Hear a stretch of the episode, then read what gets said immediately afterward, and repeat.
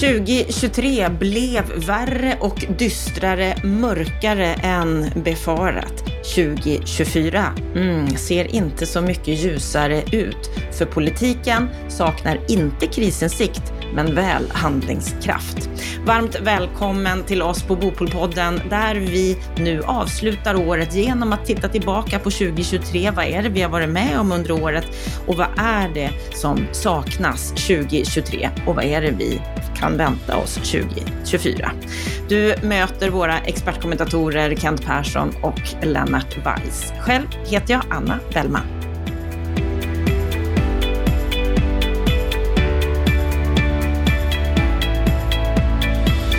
2023 är snart slut och årets sista Bopolpodden, där har jag med mig mina två expertkommentatorer, Kent Persson och Lennart Weiss. Nu ska vi summera året och blicka framåt. Och då börjar vi naturligtvis med att summera året. Kent Persson, vad tycker du har varit det som har utmärkt sig mest 2023? Vi har haft ett år som såklart har varit väldigt dystert eh, på många sätt och vis. Kriget i Ukraina fortsätter och pressa hela Europa och västvärlden och Sverige i synnerhet. Tittar vi på bostadssektorn så är det såklart att eh, vi börjar nu se hur bolagen har svårt att hantera detta både fastighetsbolag men också byggbolag. Och runt hörnet kommer det bli ännu jobbigare. Men om vi håller oss till 23 så är ju detta ett dystert år där väldigt många har fått börja lämna sina jobb. Vi ser att bostadsproduktionen sjunker ner till eh, väldigt låga nivåer. Och det är klart att politiken hade behövt att agera med ett tydligare ledarskap. Här tycker jag att det Ja, man har varit lite för passiv. Man hade behövt göra mer för att risken är nu att den passiviteten som regeringen visar det riskerar ju faktiskt att förstärka och förlänga krisen. Så att ett, eh, på det hela taget, ja, ett dystert eh, bostadsår. Finns det någon ljusglimt som du kan påminna dig om? Om jag ska vara riktigt ärlig så tycker jag nog inte det. Eh, utan det är faktiskt, det är inte bara grått, utan det är faktiskt väldigt, väldigt mörkt. Så att jag tycker inte att det finns särskilt många ljusglimtar att hänga upp i julgranen. Lennart Weiss, håller du med Kent om den här dystra tillbakablicken? Ja, den eh, är ju tyvärr helt befogad. Det här är, eh, det är en kusligt tydlig parallell till 1990-talet som vi eh, upplever och den kan ju beskrivas i siffror också. 1991 påbörjades 65 000 bostäder. Kan jämföras med 2021, då påbörjades 67 000 eller möjligen 70 000, lite olika siffror man ser där. Det kanske är medel utan ombyggnader. 95 var byggtakten nere på 11 000. Nu talar vi om 19 000 nästa år. Men vad det de facto blir färdigställda, det återstår ju att se. 19 000 är ju en prognos för påbörjade, så att i färdigställda så kommer vi sannolikt att glida ner mot en 15 000. Någonting sånt där, så att likheterna är väldigt eh, stora och förloppet är ganska likartat även om det förefaller gå ännu snabbare nu. Konsekvenserna är likartade. Enorm utslagning på hela materialproduktionssidan småhussidan extremt tuff för developerbolagen, alltså projektutvecklingsbolagen. De entreprenörer som är fokuserade mot husbyggnad och inte har flera ben att stå på. Så att likheterna är ju påfallande och då kommer konsekvenserna att bli likartade också med väldigt omfattande utslagning av kompetens. På 90-talet tog det 10-15 år för branschen att återhämta sig. Det kommer bli tuffare nu, helt enkelt därför att vi har stängt många yrkesskolor och väl vi ska ha tillbaka yrkesarbetarna så kommer vi att sakna en hel generation. Östeuropeerna kommer sannolikt inte vara lika roade eller kanske ens intresserade av att åka hit utav olika skäl. Lönerna är inte lika attraktiva längre. Kanske är kriget i Ukraina över då och då ska Östeuropas eh, resurser fokuseras på, på Ukraina och till det så eh, tar det ju väldigt lång tid att få fram den erfarenhet som krävs. Alltså tjänstemän Eh, kan du utbilda, men de måste sen ha 10, 15, ibland 20 års erfarenhet för att vara fullfjädrade. Så att eh, vi talar om oerhörda konsekvenser i många olika led. När vi gick in i det här året så var det ju dystra prognoser även då. Då hade vi ju kriget, vi hade ju en, en ränta och en inflation som, som ökade. Vart det värre än befarat? Ja, till delar tycker jag nog att det är det. Djupet i, eh, i den här krisen är eh, djupare eh, och risken är påtaglig att det blir en längre, mycket längre kris. Nu var väl vi några av dysterkvistarna redan i början av året eh, som också sa att det här kommer att bli besvärligt och eh, inte för att Lennart och jag alltid har rätt, men nog hade man kunnat lyssna lite mer på oss i början av året, för då hade man kanske kunnat satt in åtgärder som hade kunnat mildra krisen. Nu är vi i ett läge där 2023 måste ändå beskrivas som ett förlorat år. Och jag tycker inte riktigt att politiken har kommit upp på banan i att börja resonera om vad som behöver göras. Absolut, vi hör om eh, att det behövs strukturreformer. Absolut, vi hör att det behövs regelförenklingar. Det är ganska mycket saker som, som utreds och tittas på och pratas om. Men mycket av det kommer få effekt när konjunkturen har vänt. Då kommer det att, att underlätta. Men det är egentligen inga förslag som ligger på bordet nu som kommer hjälpa till att eh, ändra förutsättningarna och underlätta för bostadsbyggandet och det bekymrar mig väldigt mycket. Och till den delen kan jag nog säga att var jag dyster i början av året så blev det här ännu lite värre än vad jag trodde. För att jag trodde nog ändå att politiken skulle vara mer aktiv. Och blickar vi framåt så är det ju lätt att bli ännu större dysterkvist. Men nej, det här blev lite värre än vad vi hade anat och förväntat oss. Och återigen blir jag den då som får eh, skärpa beskrivningen något av det hela. Jag tycker inte att det är så att um, det blev lite värre än vad vi trodde och kanske att regeringen var något mer passiv än vad jag hade önskat. Jag skulle vilja uttrycka det som att vi är i total avsaknad av grundläggande ekonomisk analys utav bostadskrisen. Och vi är i grundläggande avsaknad av ett ekonomiskt program för att lösa bostadskrisen. Det är naturligtvis korrekt att de reformer som regeringen tar och planerar för har en viss effekt på marginalen, givet att det grundläggande systemet fungerar. Men man, då vill jag återigen påminna om, vilket jag har gjort nu flera gånger här i olika sammanhang, att det höga bostadsbyggandet vi hade mellan 12 till 22 var i allt väsentligt en effekt av de extremt låga räntorna. Det här har vi en tendens att glömma bort. Man tror att det var regelförenklingar eller, eller att det var investeringsstöden som spelade en avgörande roll, men så var det inte. Det var de extremt låga räntorna. Det är med viss avsikt som jag har lagt in två stycken figurer i, Veidekkes, i förordet till Veidekkes senaste marknadsrapport Sju svåra år där jag belyser skillnaden mellan Sverige och Norge. Norge har hälften så stor befolkning som Sverige och har byggt i samma takt, på samma nivå i absoluta tal som Sverige under 30 års tid, men i en jämnare takt än Sverige. Vi uppvisar en extrem volatilitet till att börja med och vi, bety- vi bygger väsentligt mindre i förhållande till vår folkmängd. Vad beror detta på? Jo, därför att Norge har en grundläggande ekonomisk maskin som fungerar. Man stöttar hushållen och när man stöttar hushållens efterfrågan då får man en jämn efterfrågan vilket gör att industrin då kan anpassa sig till hushållens efterfrågan. Andra länder Finland, Österrike, Tyskland som har en utbudsdriven politik där staten stöttar upp. De har också en jämnare bostadsproduktion. Eh, Vi har skapat ett, ett, en bostadspolitik som helt och hållet är beroende av de ekonomiska villkoren i marknaden här och nu. Alltså är det styrräntan som styr väldigt, väldigt hårt och de ekonomiska villkoren för hushållen i övrigt. Om man så ensidigt förlitar sig på de ekonomiska marknadskrafterna som man gör i Sverige, då får man ett lägre byggande över tid, än som behövs för att möta befolkningsutvecklingen och man får ett mer volatil, en mer volatil bostadsmarknad. Och det är det jag menar, det här analysen inte ens är i närheten av att vara formulerad, än mindre ett ekonomiskt program. Det är det verkliga problemet. Och jag kan bara hoppas, måste jag säga med viss cynism, att krisen nu blir så allvarlig och djup att politiken tvingas till, till ett fundamentalt eh, nytänk. För det är det som krävs. Vi kan inte sitta och förlita oss bara på att vi har en unikt låg räntenivå. Vi måste antingen ha en politik som främjar efterfrågan eller utbudet, annars kommer krisen att bestå oavsett vilka strukturella reformer som regeringen skissar på nu för att få med, fram mer planlagd mark eller, eller snabbare planprocesser. Folk bor inte i bygglov.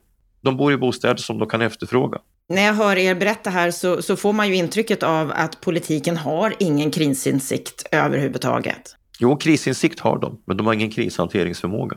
Nej, men jag instämmer i det. Jag tror att de har förstått att eh, branschen är i djup kris. Sen så tror jag det saknas ändå lite grann i att ta in vad som kommer, vad effekten av detta blir. Där är de inte riktigt än. Men de har inte förberett sig för att få en krispolitik på plats för att kunna möta detta. Och eh, under hela det här året så har man också då lagt sig i eh, skyddsvärn för inflationsbekämpningen. Det vill säga, det går inte att göra någonting utan inflationsbekämpningen har gått först. Och då är det ju så att det finns mängder av reformer som man hade kunnat genomföra som inte påverkar inflationen överhuvudtaget. Eh, det andra är ju att rätt många ekonomer har ju också eh, rätt tidigt under året sagt att de räntehöjningar vi har sett kommer att bita, vilket innebär att man behöver ha en annan ekonomisk politik från framförallt staten i att nu möta upp i en lågkonjunktur. Lennart är inne på att den ena delen det är ju att eh, faktiskt underlätta för efterfrågan och då måste du ha någon slags ekonomisk politik som skapar möjligheter för människor att efterfråga nyproducerade bostäder. Och det gäller ju både faktiskt hyresrätter och bostadsrätt, äh, det ägda boendet. Kanske mer det ägda boendet, att skapa en möjlighet att, att våga börja köpa igen. Men det är även in på, på det hyrda boendet där vi nu ser människor vara lite försiktiga i att gå in i och hyra nyproducerade lägenheter. Man har kanske råd, men man är osäker på hur långvarig blir den här krisen. Så att man måste stötta befolkningen och föra en mycket, mycket mer expansiv ekonomisk politik än vad man gör. Och nu ser vi också siffror på att inflationen är på väg snabbt neråt. Så att skulle jag vara regeringen så skulle jag ägna juldagarna åt och den här julledigheten åt att nu plocka fram en ekonomisk politik som eh, är ganska expansiv och lägga fram i en eller flera tilläggsbudgetar för att faktiskt stötta upp. Görs inte det, ja då är risken att vi går in i en period som blir väldigt dyster. Och då har ju Lennart och jag inte ens börjat prata om effekterna av det. Alltså vi pratar om att vi, vi tappar kompetens i 10-15 år. Jag skulle också säga det att många av de tjänstemännen som är projektledare och som jobbar med samhällsbygget, de kommer få jobb i andra branscher. Och de kommer inte komma tillbaka till bostadssektorn.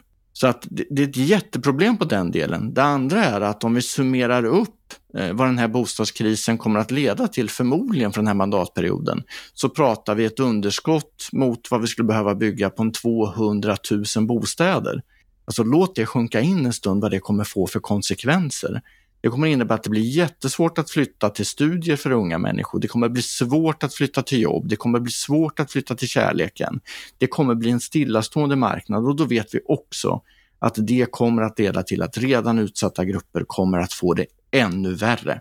Och det, det är det riktigt dystra i det här, att utsatta människor, det är de som kommer få det allra tuffast.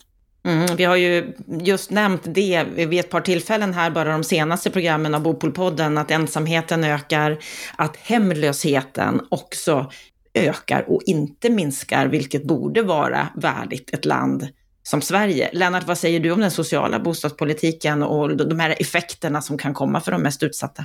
Ja, jag delar helt Kents beskrivning av det hela. Alltså generationsklyftan blir djupare det får ganska svåra konsekvenser tror jag på samhällskontraktet i, i långa loppet. Alltså när, när, unga familjer inte kan göra sin livsresa på samma villkor som sina föräldrar så föder det en bitterhet och, och det urholkar förtroendet för det vi kallar för just samhällskontraktet, för politikens förmåga att, eh, att e-, erbjuda lika livschanser åt alla. Du har hemlöshetsproblematiken som vi, som vi pratar om bara i förbigående, det är ju en det, det, det liksom belyser en enorm social nöd där vi inte ens är i närheten av att ta i den som finnarna gör. Där är ju de ett föredöme måste jag säga. Vi pratar om det på en sorts utredningsnivå i måltal men inte med de verktyg som krävs. Men jag är egentligen mest oroad här och nu för arbetsmarknaden. Jag är mest oroad för den därför att eh, Sverige är liksom fundamentalt ett, ett, industriland och nu håller det på att ske en nyindustrialisering utav helt makalösa format. Och det är en följd av den gröna omställningen. Men om den ska lyckas så måste ju så att säga samhällsbyggandet lyckas också. Det måste ju komma fram bostäder. Och jag är övertygad om att det kommer bli väldiga problem, både i norra Norrland men också i andra delar utav industri-Sverige där det nu görs enorma investeringar. Jag menar Hitachi i Ludvika, tusen personer ska anställas, där kanske det finns en del tomma lägenheter i omlandet. Eh, Mariestad, Timrå och så vidare. Ja, det här kommer bli en jätteutmaning. Och här måste man lä lära av vad vi gjorde förr i historien. Och ett annat område som ju har skakat oss bara nu den senaste veckan, en och en halv veckan, det är ju olyckan som skedde i Sundbyberg där fem personer på ett och samma tillfälle miste livet. Vad betyder det här för Byggsverige? Ja, det här kan jag ju säga har här och nu skapat en oerhörd djup chock. En oerhörd chock alltså. Även om vi ju så att säga lever med, med dödsolyckor, tyvärr, vi har ungefär en i månaden i snitt, så var ju det här en helt, en, en helt, ska jag säga, jag kan inte minnas en sån här händelse under de år jag har varit i branschen. Jag kom in 1990. Så den skakade om, den skakade om på djupet kan jag säga.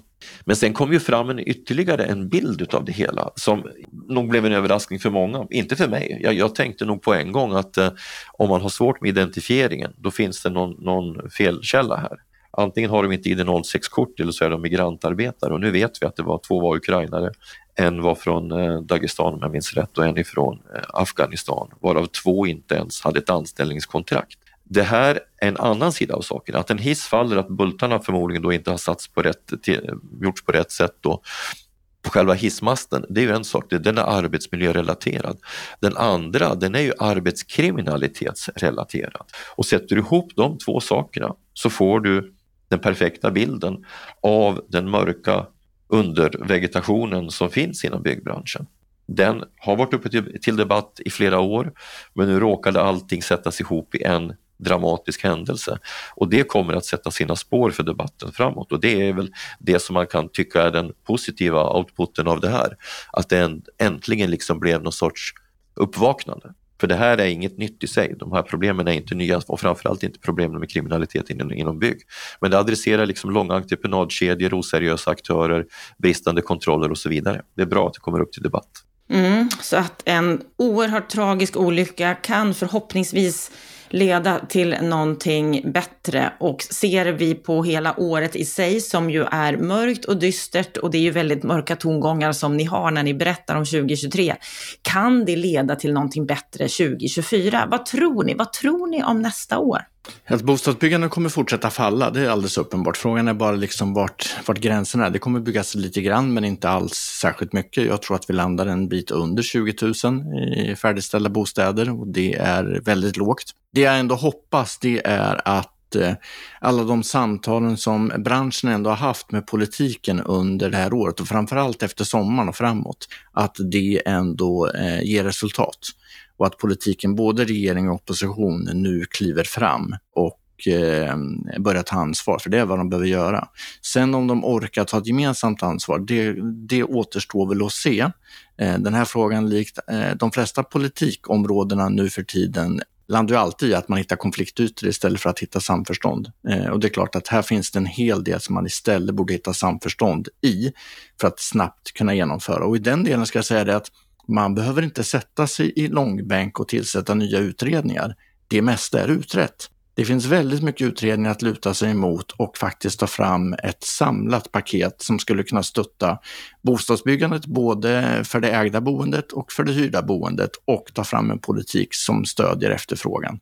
Det finns ganska mycket sådant underlag och här borde politiken mycket bredare, kanske med något undantag, kunna hitta varandra och kunna genomföra ett, ett ganska stort och brett bostadspolitiskt paket tidigt under nästa år. Ja, Lennart, vad, vad tror du om, om 2024?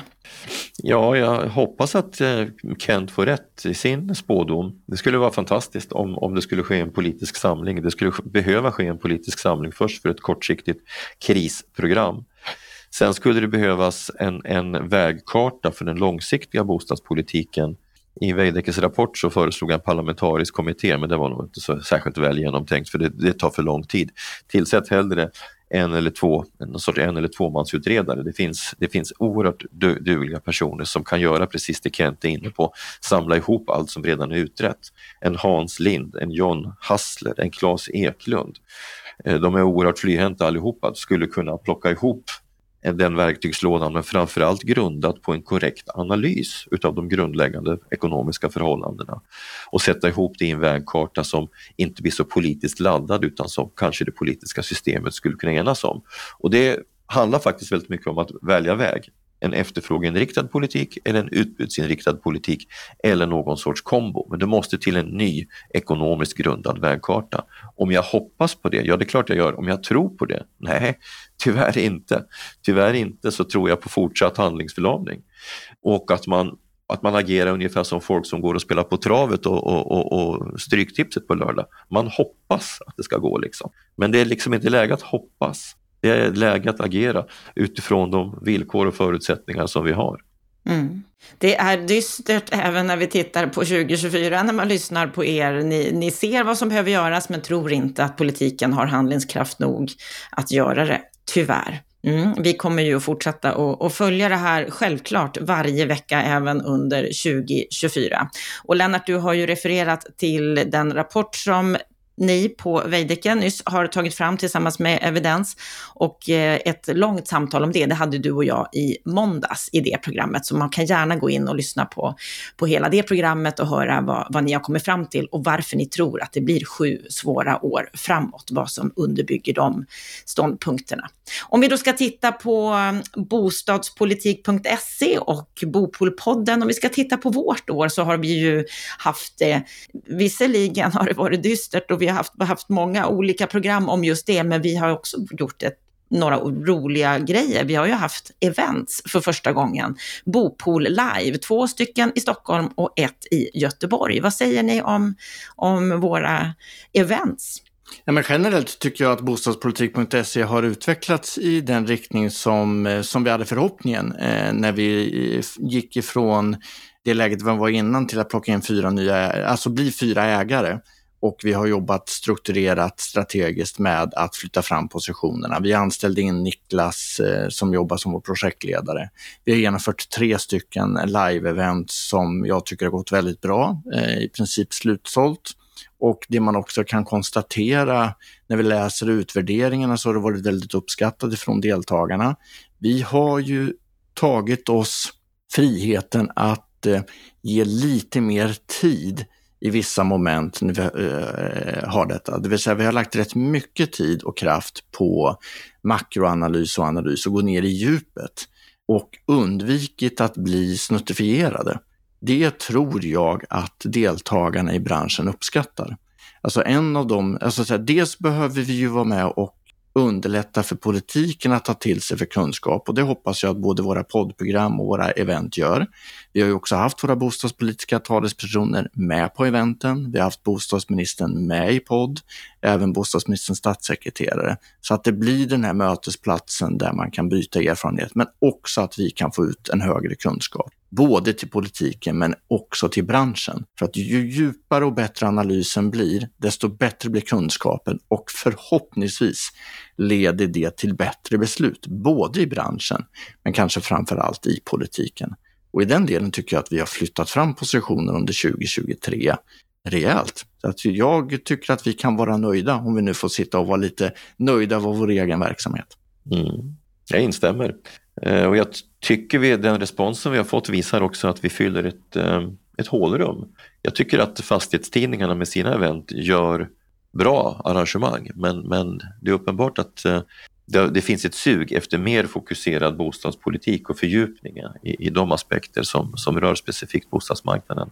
Det vore kul om vi kunde följa upp det här med lite rapportutgivning och kanske bokutgivning och lite sånt här annat också men en sak i taget. Det här har i varje fall varit en, en väldigt positiv och bra utveckling utav bostadspolitik. Det måste jag hålla med om.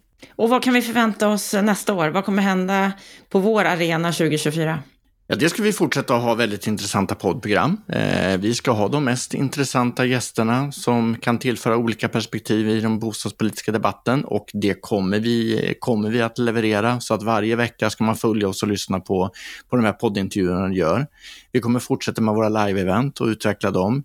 Och framför allt det som ligger nu närmast till hands och det vi sitter med nu och planerar, det är ju Almedalen 2024 där vi redan tidigare har varit en av de större bostadspolitiska arenorna.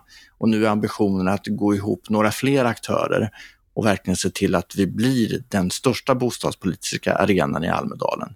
Och anledningen till att vi går ihop några stycken, det är ju dels av ekonomiska skäl, att, att det ska bli, det är lite smartare att arrangera tillsammans. Men det andra är att, att ännu starkare kunna locka till sig både politiker och bransch för de här samtalen, den här fördjupningen. Och det tror jag vi kommer lyckas med i Almedalen. Så att Almedalen 2023 var bra, men 2024 kommer bli ännu lite bättre från vår del. Vad säger du om 2024, Lennart? Vad har vi att vänta oss? Jag har inte så mycket att tillägga. Jag tycker att eh, Kent har beskrivit det väldigt väl. Det kommer bli en kul och spännande Almedalen och jag tycker att det ska bli roligt att utveckla våra format med partners. Och sen så får vi väl se hur bostadspolitik som sådant utvecklas. Vi har ju diskussioner i lite olika avseenden så att jag tror att lyssnarna kan se fram emot ett eh, starkare och, och ännu mer ska vi säga laddat bostadspolitik.se och Bopolpodden. Det var i varje fall vad vi hoppas. Det, det är ingen tvekan om att våra lyssnarskaror och följarskaror ökar hela tiden och det är väldigt kul. Ja, det är väldigt roligt och nu kommer vi att samla all kraft vi kan över jul och nyår. Vi tar en paus, men vi är tillbaka i januari igen och vi kommer uppdatera på bostadspolitik.se så där kan du alltid gå in och läsa och hålla dig uppdaterad om det senaste som har skett inom branschen. Podden är tillbaka i januari och den 17 januari, då är vi tillbaka med vårt första live-event för 2024. Bopol live i Stockholm. Så kom gärna gärna 17 januari på Bopol live. Och naturligtvis så ses vi i Almedalen också, men det hinner vi ju prata mer om under våren. Tack Kent och Lennart för årets tillbakablick och framåtblickandet för 2024. Vi önskar dig som lyssnar en riktigt skön jul, en jättebra start på det nya året och så hoppas vi att det händer lite grejer inom politiken 2024, för det behövs. Må så gott!